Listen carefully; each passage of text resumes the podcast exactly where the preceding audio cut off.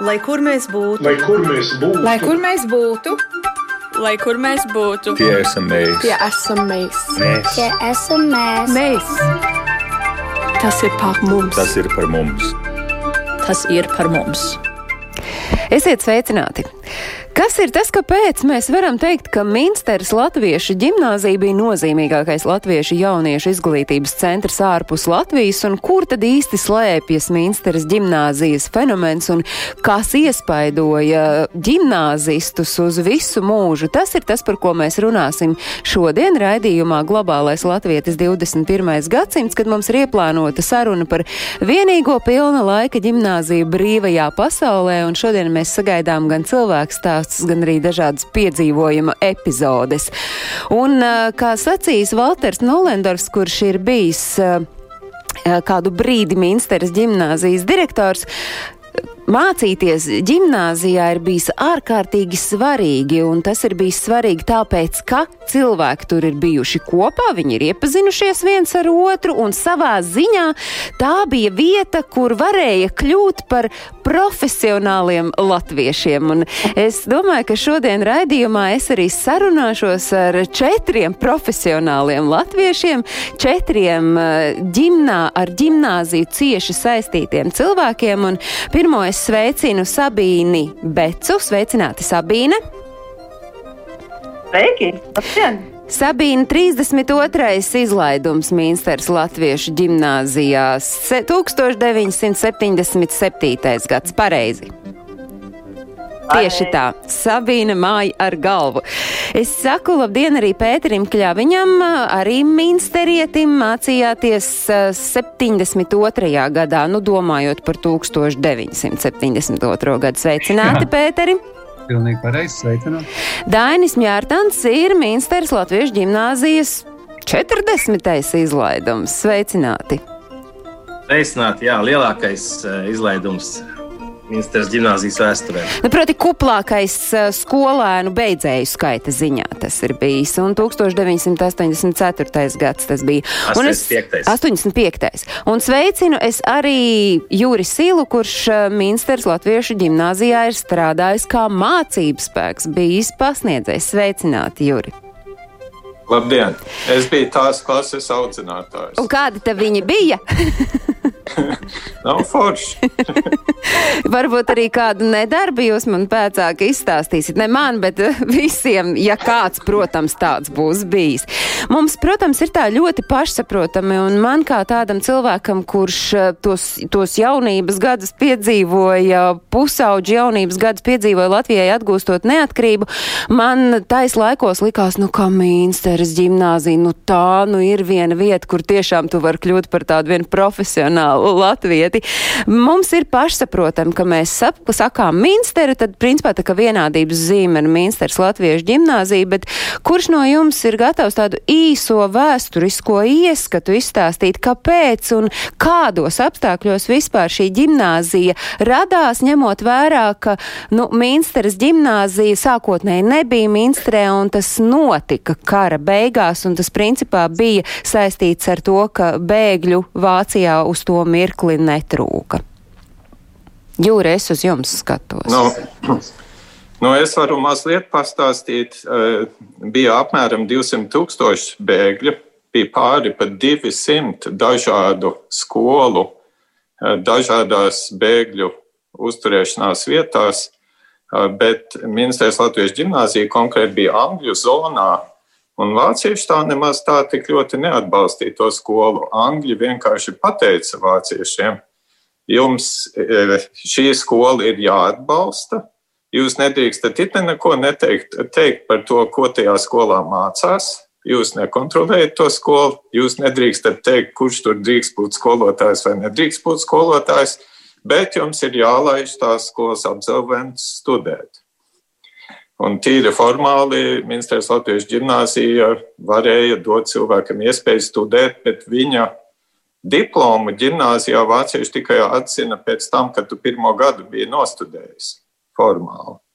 Tad tikai skaitījās, ka tev bija gimnāzijas beigšanas apliecība, ja tu biji nostudējis vienu gadu universitātē. Nu, pašā sākumā ministrē nebija skola. Skola Tās nometnes lēnām konsolidēja, kad 50. gados sāka latvieši aizbraukt prom. Un ministrs Latvijas gimnāzija radās, kad Grēvenes gimnāzija un Augustorfa gimnāzijas slēdza, un tās saplūda kopā par ministrs Latvijas gimnāziju. Man liekas, ka pirmais direktors uh, bija Latvijā jau, ja nemaldos, Talsu skolas direktors Drēmanis. Bet to es tā tik precīzi neatceros. Bet katrā gadījumā viņš jau bija viens skolu direktors Latvijā, tas, kas bija pirmais skolu direktors Vācijā. Bet, principā, jau, ja mēs skatāmies uz to laiku, kad gimnāzija veidojās, tas bija laiks, kad nu, tā ir Vācija, laiks, kad tādu mācību materiālu principā tikpat kā taču nekādu nebija. Tādas Latvijas arī uz to mirkli nebija, tā, tas patiesībā ir tāds unikāls notikums mums pašiem latviešiem uz to mūsu vēsturi skatoties. Jā, bija tika izdotas grāmatas tūlīt jau 45. un 46. gadā, eh, kas tika drukātas ar apvienoto ar UNRA līdzekļiem. Tās bija uz ļoti slikta papīra, bet daudzus gadus arī tās kā vienīgās mācību grāmatas lietoja, jo nu, ģimnāzijā mācību valoda bija latviešu valoda vienīgā mācību valoda. Tikai mācīja svešvalodas, mēģināja tās mācot, mācīt, nelietojot latviešu. Tā kā angliski mēģināja pasniegt tikai angliski, vāciski tikai vāciski.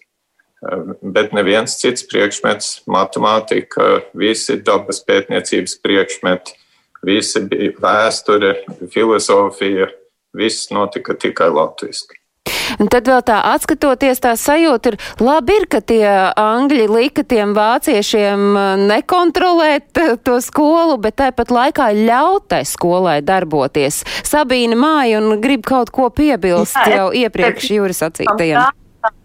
Um, kad tad 70. gados, vismaz tad, kad es gāju 6 gadus tomēr skolā, mums bija vācu grāmatas, uh, piemēram, par bioloģiju, ķīmiju, uh, Protams, par vācu valodu. Tas bija tiešām vācu, vācu valodā, tajā um, nu, mācības uh, programmā atbilstoši uh, akreditētas grāmatas, un mēs bijām absolūti perfekti tulkošanā, jo runāja Latvijasiski. Ja. Nu, proti, tad stunda notika latviešu valodā, bet lasījāt un informāciju jūs ieguvāt vācu valodā. Tad, tad, jā, jā Daini. Nu, jā, un tad eh, kāds desmit gadus vēlāk jau arī mums parādījās grāmatas no padomju Latvijas. jā, bet tas vairāk skāra eksaktos priekšmets. Un, eh, bet nu, bija arī grāmatas, un varēja iemest tāds arī Latvijas. Padomju Latvijas grāmatās. Sabīna, bet jūs vispār taču Mīnsteres ģimnāzijā nonācāt bez latviešu valodas zināšanām. Pareizi es saku? Jā, es atbraucu 71. gadā, 13 gadu vecumā, un es nerunāju latviešu. Mans tēvs bija vācietis, mana mamma latvieta. Un, kad es augu, tad viņi apkārtnē nezināja, kur ir latvieši, tad viņi tomēr pielāgojās. Un, un tad, um, kad man bija astoņi gadi, man sūtīja uz, uz latviešu bērnu nometnēm. Un tad es to uzzināju par skolu, un vēlāk es ļoti gribēju iet uz Minētas Latvijas gimnāziju. Un man stundas uzreiz bija tā kā ārzemēs, jo stundas notiek latviešu. Un man 5 minūtes, piemēram, stundu beigās, man skolotāji man izstāstīja uh, to vielu 5 minūtēs. Jā. Mhm. Bet tad sanāk, ka jūs tajā savā 13 gadu vecumā pati pieņēmāt lēmumu, ka tā bija jūsu vēlme, jūsu gribēšana mācīties Minsterē. No kurienes Jā. jūs pārcēlāties uz Mīnsteri un kur un kā Jā. jūs tās 13 gadīgs skuķis, ja tā es drīkstu sacīt, dzīvojāt to laiku? Nu, es, mani vecāki dzīvoja Frankfurtē pie Mainas, un es ar vilcienu aizbraucu Endrēs gadā uz lielām brīvdienām, uz mājām, bet tā dzīvoja internātā, es to ļoti mīlēju. Man ļoti, ļoti, ļoti patika. tas e, internacionālais gars ja, bija faktiski tas, kas man visvairāk patika, un tas bija tik šausmīgi interesanti, gan pašā klasē cilvēki no dažādām valstīm. Uh, katrs no savas mītnes zemes zināmas raksturs un, un īpatnības atveda.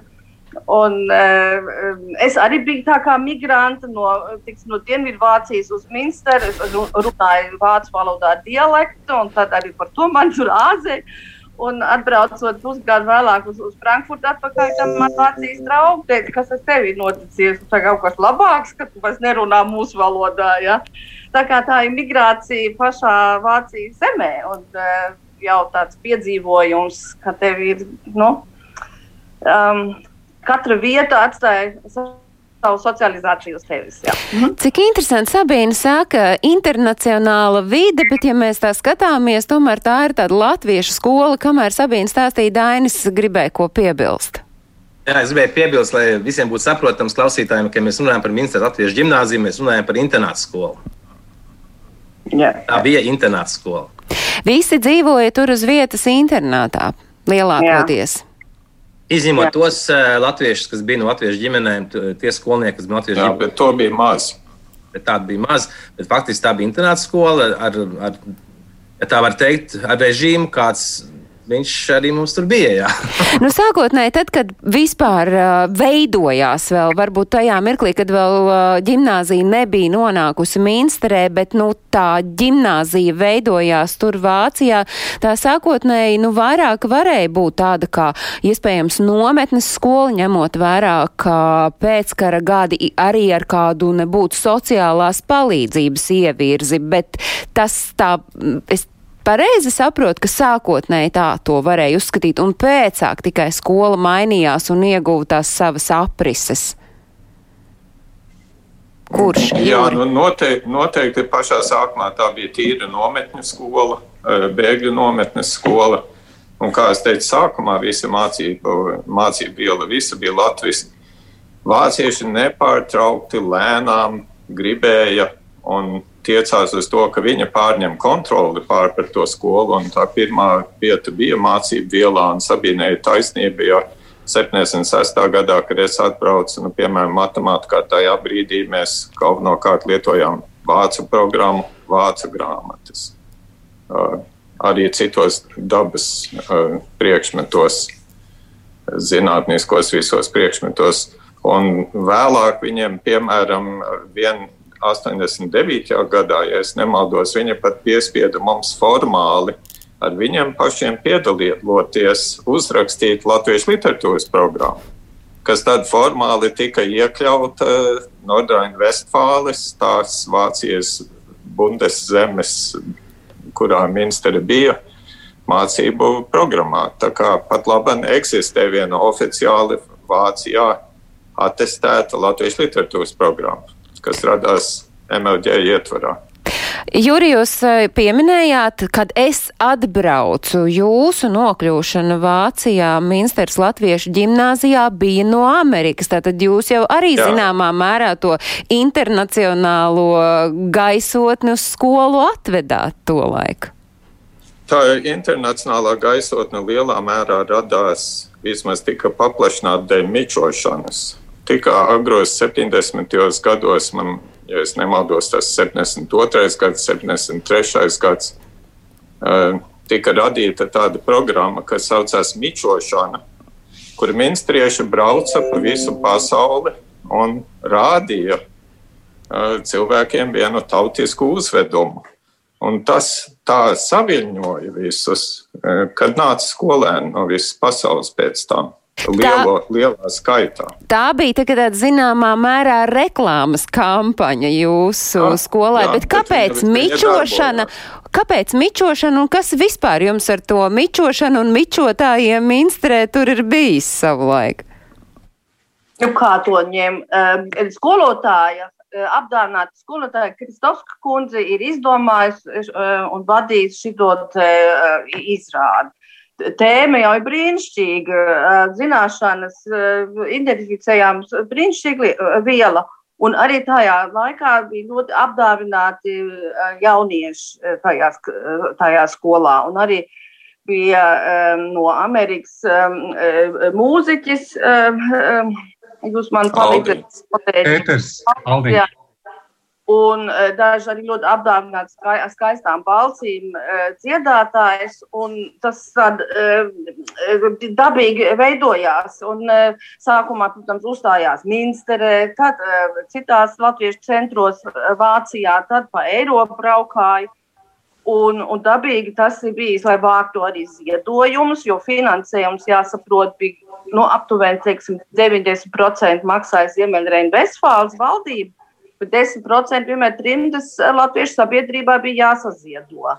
Tad par to nemietīgi ir, protams, jāatgādina cilvēki, fundraising vai ziedojumu vākšana, dabīgi. Un arī, protams, jauno skolnieku piesaistīšana. Ļoti būtiski, jo Šādi tad bija ļoti kritiski, ka tas skolnieku skaits bija bijis pa, pa maz, ka tad, um, dārgie um, um, nu, vācu naudas devēji prasa, zinām, kvantumu bērnus dabīgi. Ja?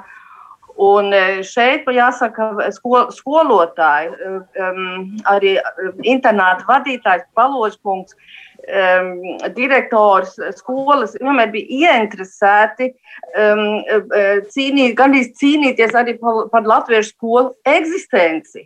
Un arī blakus tam parastajām darbām būt, teiksim, kā skolotājiem, vēl pēc tam vēl tā saucamā sabiedrisko darbu faktiski veikt un kopā ar, ar, ar jauniešiem. Tas bija ļoti būtiski. Un tad vēl bija tas lielais moments ar mičošanu, ka pat brauc ne tikai pa Ameriku, bet arī uz Austrāliju. Un tas, ja nu Pēter varēs izstāstīt, kāda tas bija efekts, kā uh, iniciāla atmoda Austrālijas latviešiem. Ja? Jo ne par velti Sabīnu uzrunā Pēteri, jo jūs, Pēter, tiešām Minsterē nonācāt no Austrālijas. Kāds Jā. bija tas jūsu ceļš? Jūs tāpat kā Sabīna teicāt saviem senčiem, es braukšu uz Minsteri, vai tomēr tur kādi citādi ceļi jums bija? Es nezinu, kā teiksim, tie bija mani vecāki, kas man, man aizsūtīja uz Minsteri. Um, man bija 16 gadi, un es tikko biju beidzis um, vidusskolu Austrālijā. Un, um, es saprotu, ka bija pasaules mērogā teiksim, pabalsti latviešiem, kad drusciņi ziedoja naudu, vai noteikti varēja dabūt palīdzību vecāki savus bērnus sūtīt uz ministru. Tātad tas bija labi zināms, ka ministrē meklēja um, students un ka varēja viņus aizsūtīt tur. Un tā man vecāki to bija dzirdējuši um, un domāju, nu tad to gadu starp nu, pēc vidusskolas un pirms universitātes iešanas, tad lai es aizbraucu vienu gadu uz, uz ministeri. Un, um, tā es tur nokļuvu, tā īsti nezinādams, ko, ko gaidīt. Es nebiju no Austrālijas agrāk izbraucis, nekur citur pasaulē. Tas ļoti atvēra manas acis. Un tā runāja tieši par to mičošanas, to uzvedumu un to ansambli. Eh, tas tieši tajā laikā sākās, laikam, 72. gadā, un, vai 71. apmēram tajā laikā. Un es ministrē iemācījos koklēt, un tad arī pievienojos tam ansamblim, kas tur to viņu pavadīja. Tad es arī braucu mičotāju ansambli pa Vāciju, pa Eiropu. Un tad um, savu gadu beidzis ministrē 72. gada beigās, tad um, turpināja kontakts teiksim, ar, ar, ar mičotājiem. Un tā viņi veidoja to braucienu uz Austrāliju. Tas notika 75. gadā, cik, ja nemaldos. Un tad, jā, tad uh, viņi atbrauca uz Austrāliju, un tad es nezinu, cik diezgan ilgi, īstenībā salīdzinoši ilgi, varbūt kāds trīs nedēļas. Es nezinu, cik tā apmēram varēja būt tas ceļojums par Austrāliju. Un tad es tur arī visiem, viņiem braucu līdzi, un arī bija nu, arī koklēji. Teiksim, bija tas viens no koklētājiem, kas tur pavadīja to ansamblu ap, nu, pa Austrāliju.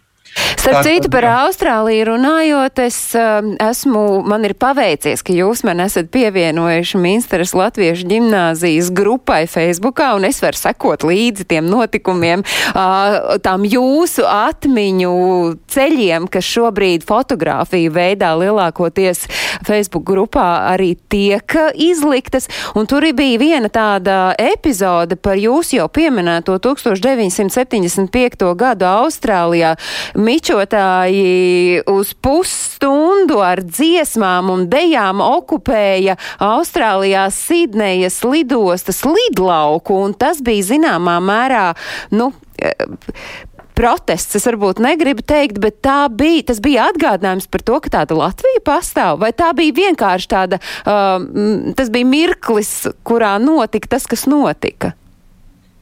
Es īsti neatceros cēloni, bet uh, nē, nu, cik es zinu, tas vienkārši bija tāds, nu, nebija vairāk, nebija protests tik daudz, vienkārši kā, nu, tāds pasludināšana, ka eksistē Latvija, ka mēs esam šeit, mēs protams, dziedāt. Mēs, vispār Austrālija bija tāda zeme, kur nu, multikulturāla zeme, kur diezgan pieņēma citautiešus. Ja, te, nu, tas, es domāju, sākās tieši ar kara beigām, nu, pēc kara. Tad, kad bija tas uh, bēgļu ieplūdums Austrālijā, tad principā viņi bija tāda zeme, kur pieņēma citu, citas tautības, citas kultūras.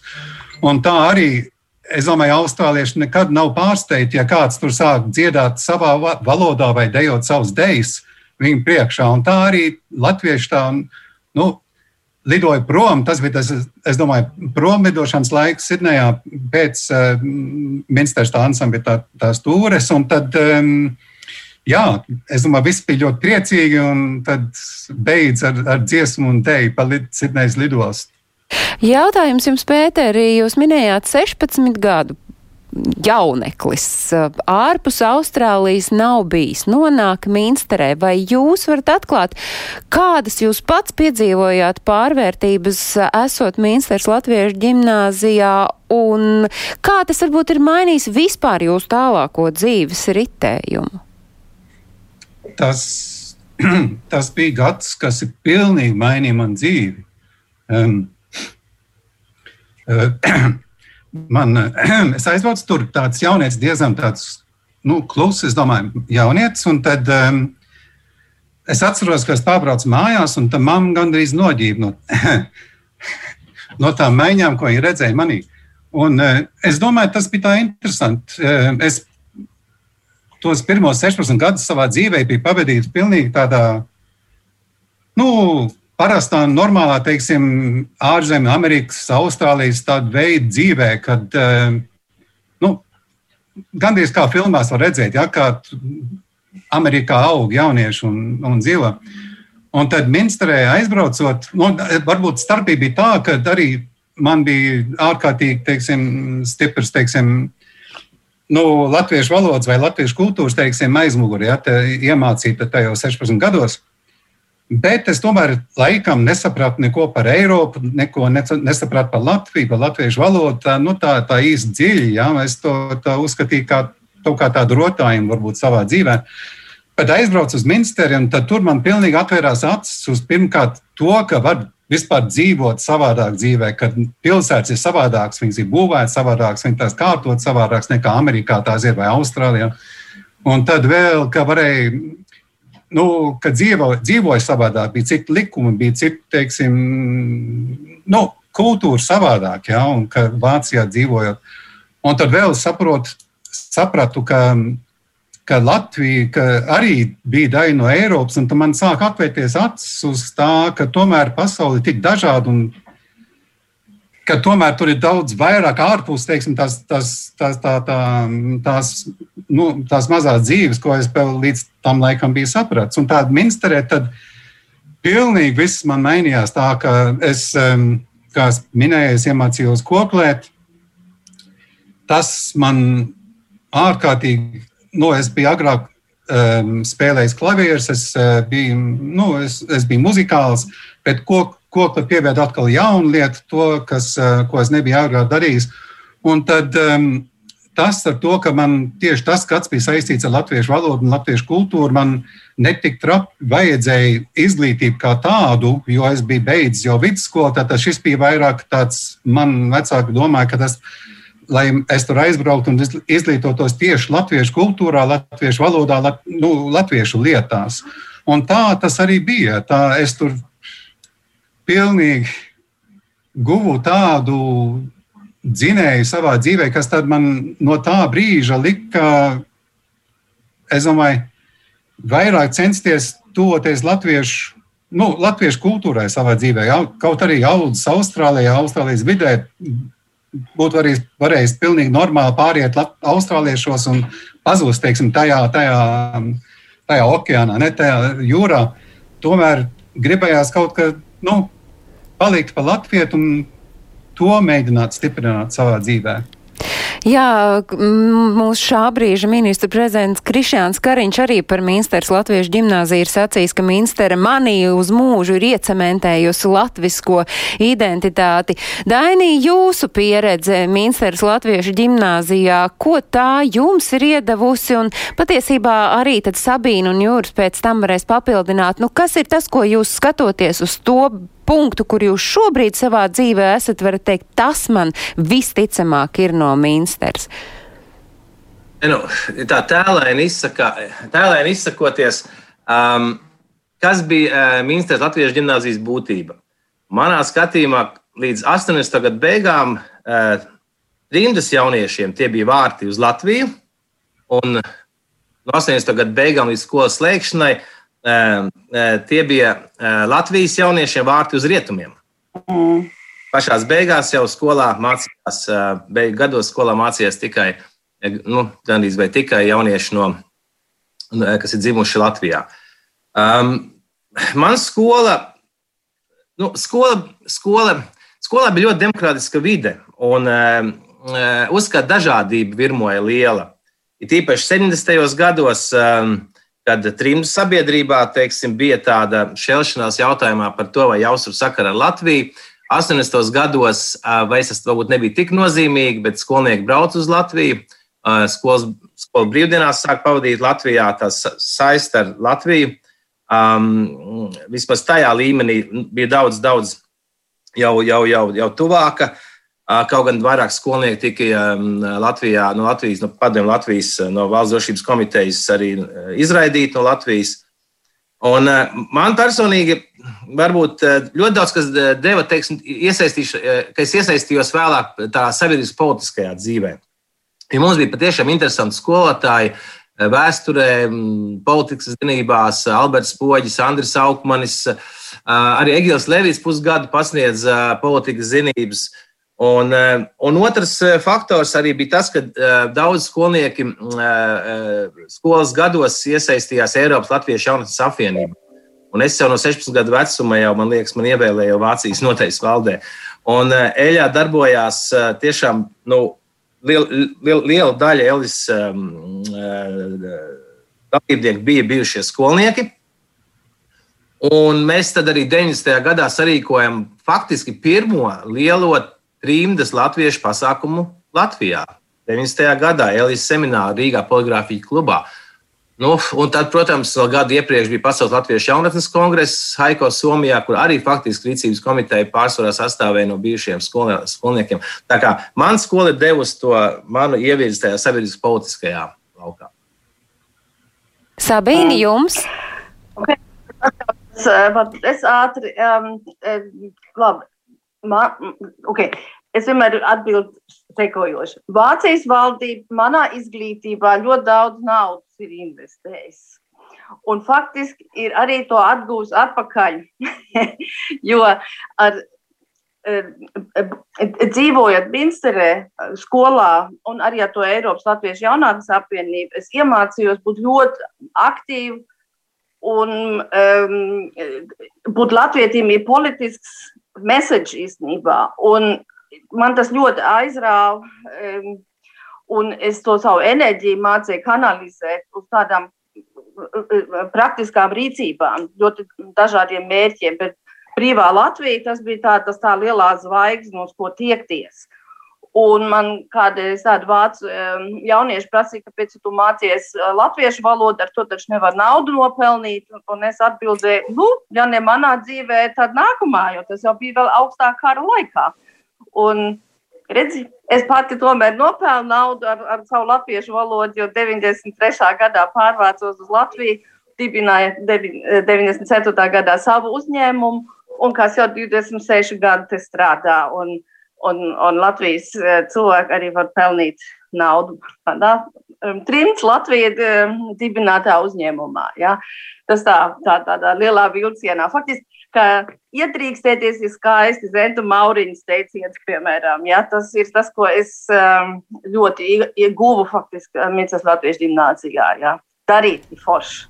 Jo, lai arī izskatās, reizēm varbūt klausoties tajos Minsteras latviešu ģimnāzijas, ģimnāzistu atmiņu stāstos, rodas tā sajūta, nu, ka tur tik, tur tik bija tā ballīte, visriņķī, visapkārt. Tā jau bija arī riktīga mācīšanās, taču vai ne? Bija, bija mācīšanās. Nu, es atceros, ka es eh, pirmo, pirmajā mm, eh, gadā, mm, kad eh, sāku mācīties, sēdēju latviešu valodas stundās un absolūti nesapratu, ko es šeit daru. Jo līdz šim man latviešu valodas bija ļoti maz sakars. Bet jūs varat Dainu mazliet ieskicēt to savu nonākšanu. Kā jūs nonācāt, tas lēmums mācīties Mīnsters Latviešu ģimnāzijā jūsu gadījumā bija kāds? Nu, manā gadījumā bija tā, ka mēs izceļojām no Latvijas ar manu māti 79. gadā ģimenes apvienošanās rezultātā uz Vāciju ar lielām grūtībām. Un tad uh, faktiski bija izšķiršanās. Mēs dzīvojam Hamburgā, iet vācu skolā, vai, vai, vai, vai un tad, protams, mēs uzzinājām par Minska Latviešu ģimnāziju, un vietējā latvieši palīdzēja nokārtot visus dokumentus. Un Hamburga, kas ir neatkarīga pilsēta, kā Vācijā vai ne Hansas pilsēta, viņi bija ļoti pārsteigti, ka viņiem tā būs par mani jāmaksā. Jā. Par to, ka es iešu uz ministru. Un, un, un, un tiešām, un, bet tie dokumenti, ko Juris jau stāstīja, arī par to, ka Vācijas valdībai bija pateikts, ka ir jāatbalsta gimnāzija, palīdzēja arī man sakārtot dokumentus, ka Vācijas valdība, šī gadījumā Hamburgas pilsēta, maksāja mani uzturēšanos internātā. Jā, Bet tas neliek, jā, Juri. Es vēl gribētu pasvītrot, eh, tika minēts, ka tie vārti uz Latviju, ja, un tā patiešām bija. Eh, viens konkrēts gadījums eh, Latvijā bija padomju laikā tādas speciālas nometnes vasarā domātas ļoti gudriem augstiem klases skolēniem, kas saucās alfa nometnes.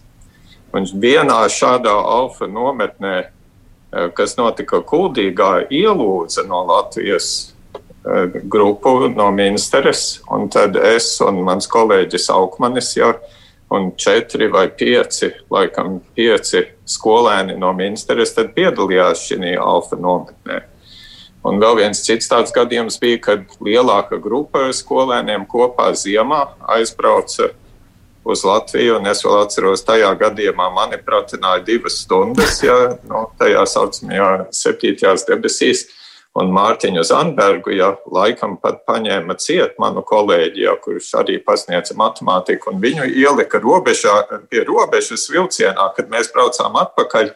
Tad tāds drusku satricināts eh, Mārtiņš Zandbergs tika ielikts atpakaļ vilcienā, eh, lai brauktu atpakaļ. Jā, jo, nu, viņš tad bija laikam kaut kādus kontaktus ar sociāliem vai ar bijušiem sociāliem eh, Es, es to īstās detaļas tur nezinu, ja, bet katrā gadījumā čeka bija viņa paņēmusi ciet, ja, un viņš bija ticis diezgan smagi pratināts. Ja. Man ir tikai divas stundas ņēma priekšā un prasīja kaut kādus jautājumus par Vietnamas kāru un tād, tādām lietām. Bet, nu, tie bija tādi divi konkrēti gadījumi, ja, kad ministra nu, patiešām bija vārti uz Latviju. Pirmā, pirmie automobīļi, kas brauca no Eiropas uz Latviju, bija visi saistīti ar Minētas Latvijas gimnāziju. Pats pirmais bija bļodnieks, un es biju otrs. Un bija interesanti, man bija Minsteres numuri MS. Un es uh, Latvijā prasīju, man nekādas problēmas nebija. Es apmēram braucu līdz uh, Brestai, griezos pa kreisi un braucu pēc saules, jo karte, kartes nebija. Ja, viss tas bija tukšs. Un mēs izbraucām caur visādiem uh, tanku vietām, kur bija armijas poligoni bijuši. Man prasīja, kāpēc, kā tu tiki cauri, kā es tiku cauri caur poligoniem. Viņi saka, nu, tev ir MS, Maskavas numuri, bet internacionālais variants. Tev, ir, nu, tev nav Kirilika. Tev ir parastie burti MS, tad tu esi ļoti liels šiška. Sabīna neaiztiks neviens. Sabīna gribēja ko piebilst. Sabīna gribēja ko piebilst. Man arī vēl kaut kas tāds kā tāda, tāda tipa saukļa, tāda sajūta, ka drīkstēja kā bērns uh, un kā jaunietis ministrē justies um, ļoti pieņemts un vajadzīgs. Tur nebija tāda selekcija. Tu gribēji dziedāt, tu dziedāt, tev bija gandrīz jādzied, jādējo, jāspēlē teātris, jāpiedalīties politiskā seminārā, ir visādi izbraucienos. Tu varēji visur justies pieņemts, un nebija tā selekcija. Ja? Um, bija skolotāji ar lielu um, degsmi, deva papildus stundas, palīdzēja. Skolnieki savā starpā ļoti viens otram palīdzēja, jo dabīgi. Viņi, vi, katrs jau nāca no citām skolu sistēmām, un, un nebija viegli skolotājiem saliedēt klasē to līmeni. Tas tiešām bija liels izaicinājums mācību spēkiem. Viņi arī tā pūlējās. Kā tas, tas latviešu bērns bija kaut kas tur lolots, ja? kaut kas tāds ļoti. Un tas vienoja ja? arī tās draudzības starp um, bērniem, kas ir vecāki un jaunāki. Tur tā kā arī tā mēs sajūta ļoti spēcīgi. Tas, man bija vairāk draugu, piemēram, augstākās klasēs nekā manā klasē. Gandrīz, ja. Tas bija tā kā arī tāda vertikāla. Um, saliedētība. Tāpat, kad braucu, ja bija Ministrs Latvijas gimnāzijā, bija izlaidums, tad braucu kā lielu notikumu, uh, ne tikai uz savu vai uz savu um, Eh, rada izlaidumu, bet uz Minsas Latvijas abitūras izlaidumu. Tas bija sabiedrisks notikums. Ja? Vai kā bija baula, tad bija visai sabiedrībai tajā ministrijā. Nevis tikai skolnieku eh, klase kaut kā. Tas jau garlaicīgi. Es iemācījos super dejot, ko dejot. dejojās ar, ar, ar, um, ar, nu, saka, ar, ar kungiem un zēniem um, no, kas maz nebija skolā, ja? bet nu, iemācījās foršu rock and roll dansot. Ja? Um, Iemācījāties. Tas, ar, jā, veidu tās. Jūs iemācījāties eh, ļoti daudz ko, un tas bija tāds uh, solis tālāk. Jūs jau minējāt, skolotāji strādāja daudz, vai jūs varat ieskicēt to nu, soli tālāk pēc Mīnsters Latviešu ģimnāzijas tālākajā izglītības iegūšanā? Tas bija tāds labs pamats arī dzen. Jā, nu es daudz jau paliku ministrē studēt, un dažiem tas ļoti cītīgi, citi varbūt nē. Tas ir katram, protams, ir lēmums vai atrādz pareizo lietu. Daļai daži palika ministrē reizē strādāja skolā kā audzinātāji.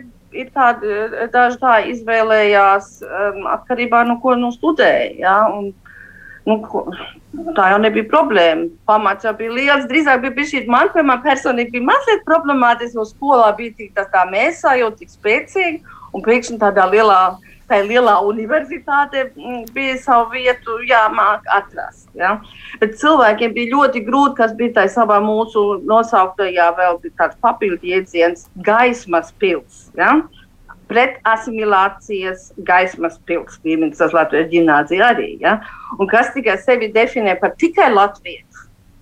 Viņam bija kādreiz grūtāk tajā vācu vai citā mītnes zemes eh, sabiedrībā savu identitāti pa jaunu definēt. Ja? Tas līdzīgi ir mazliet salīdzināms ar to, kas šobrīd pie mums notiek un vispār pasaulē, kad mēs runājam par tiem burbuļiem. Tas bija tā laika zināmā mērā burbulis, bet uh, skola, jā, mēs runājam par to, ka šobrīd, šogad mēs varam teikt, ka Mīnsters Latviešu ģimnāzija var svinēt savu 75.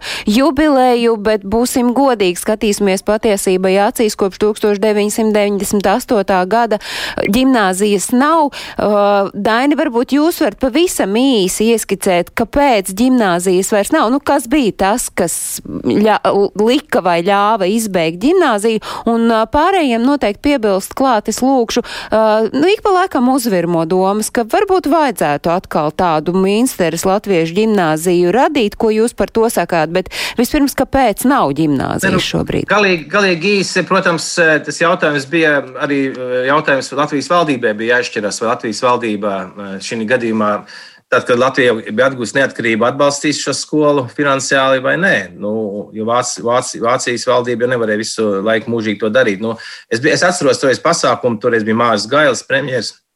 Eh, viņš tur bija arī izglītības ministrs piebalgs. Bija, bija, bija, bija notika sarunas, bet eh, tās nepie nenoveda. Un beig, beigās, laikam, toreiz bija par dārgu Latvijas valstī uzturēt tālāk šo skolu.